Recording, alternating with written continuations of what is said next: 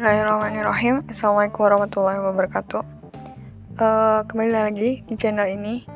Um, Kali ini aku mau bacain buku isi buku dari Latahzan judulnya Rehat. Jadi tanpa basa-basi kita mulai aja ya. Jadi rehat jangan bersedih karena anda telah melalui kesedihan itu kemarin dan ia tidak akan memberi manfaat apa pun. Ketika Anda, Anda gagal dalam ujian dan Anda bersedih karenanya, apakah kemudian anak Anda lulus karena kesedihan itu? Saat, saat Bapak Anda meninggal dan Anda bersedih, apakah ia akan hidup kembali? Manakalanya Anda merugi dalam suatu bisnis dan kemudian Anda bersedih apakah kemudian kerugian itu berubah menjadi keuntungan? Hmm, kalau menurutku sih ya nggak apa-apa sedih tapi jangan sampai berlarut-larut sih. Terus di sini dia ngomong beliau nulis jangan bersedih sebab bila Anda bersedih gara-gara satu musibah maka musibah yang satu itu akan menjadi berlipat ganda ketika Anda bersedih karena kemiskinan atau kesengsaraan yang Anda alami. Bukankah kesedihan itu hanya menambah kesengsaraan Anda saja? Saat Anda bersedih karena cercaan musuh-musuh Anda, pastilah kesedihan itu hanya akan menguntungkan dan menambah semangat mereka untuk menyerang Anda. Atau ketika Anda mencemaskan terjadinya sesuatu yang tidak Anda sukai, ia akan mudah terjadi pada Anda. Jangan bersedih karena kesedihan itu akan membuat rumah yang luas, istri yang cantik, harta yang berlimpah, kedudukan yang tinggi, dan anak-anak yang cerdas tidak akan ada gunanya sedikit pun. Jangan bersedih, sebab kesedihan hanya akan membuat air yang segar terasa pahit, dan sekuntung bunga mawar yang an indah, tampak seperti sebongkah labu. Taman yang rimbun tampak seperti gurun pasir yang gersang, dan kehidupan dunia menjadi penjara yang pengap.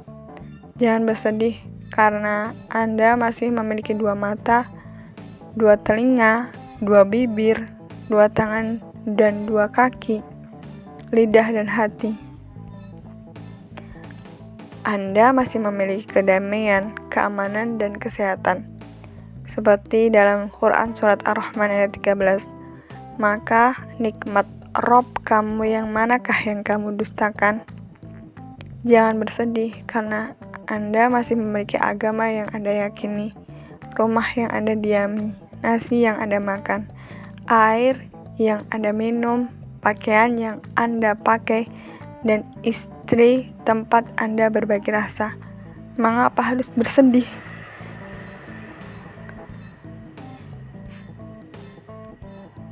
Hmm,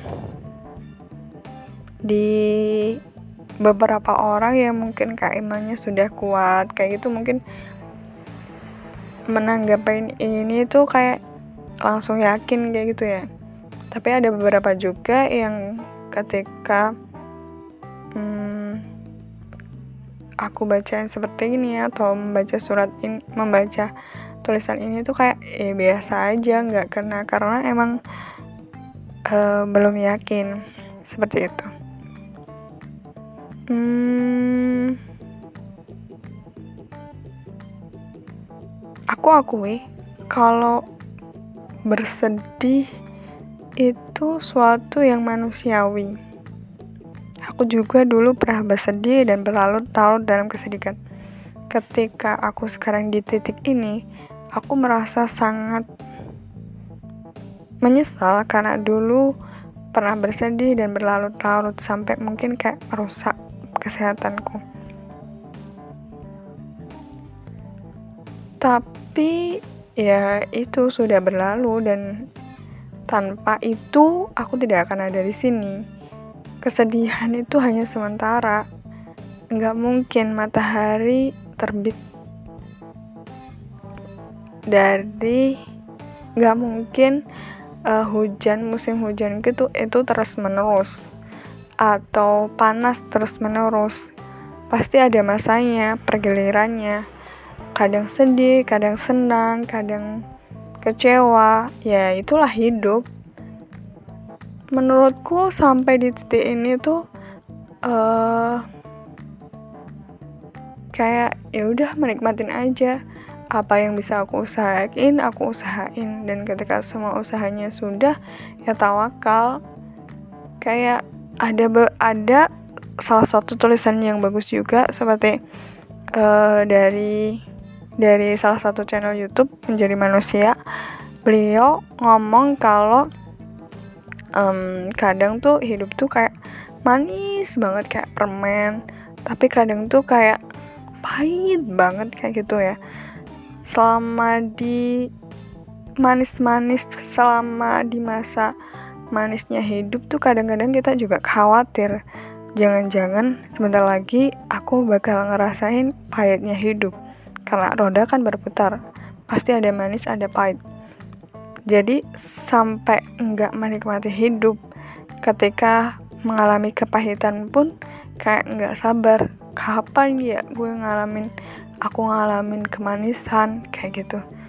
Jadi karena itu um, kita oh bukan aku lebih kayak nggak menikmati hidup. Kayak ketika sedih mikirin eh, ketika pahit yang dipikirin manis. Ketika manis takut.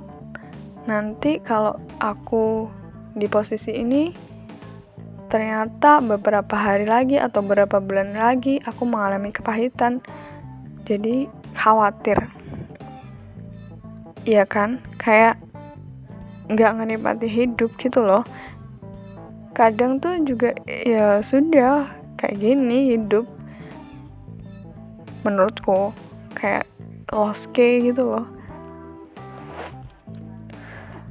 Kadang tuh nggak perlu dipikir banget banget gitu loh kayak ya udah nih jalannya aja. Yang penting aku usaha aku punya. Tapi aku nggak begitu suka dengan orang yang kayak ya udah ngalir aja kayak gitu. Soalnya aku dulu pernah nyoba uh, hidup tuh kayak ngalir tapi ternyata tuh terombang ambing aku ya karena nggak punya tujuan. Menurutku nggak apa-apa ngalir tapi harus punya tujuan dan reason alasan kenapa lo harus hidup kenapa lo harus maju. Kenapa? Ya itu reason. Kayak reason hidup. Alasan untuk hidup. Menurutku seperti itu sih. Entah ini nyambung apa enggak. Yang jelas um, kamu nggak sendiri. Aku juga pernah mengalami kesedihan. Orang lain juga pernah mengalami kesedihan. Kecewa itu pasti tugasku sebagai manusia adalah tetap percaya kepada yang maha kuasa. Kalau semua rencana itu tuh baik Allah maha baik ya mungkin beberapa orang nggak begitu yakin dengan ini. Tapi percaya deh yakin aja. Soalnya siapa lagi gitu yang bakal memenuhi janjinya kecuali sang holik sang maha pencipta Begitu, semoga bermanfaat. Ini juga termasuk uh, salah satu apa ya kayak evaluasi juga sih buat aku. Makasih sudah dengerin coletahanku kali ini. Assalamualaikum warahmatullahi wabarakatuh. Semoga bermanfaat.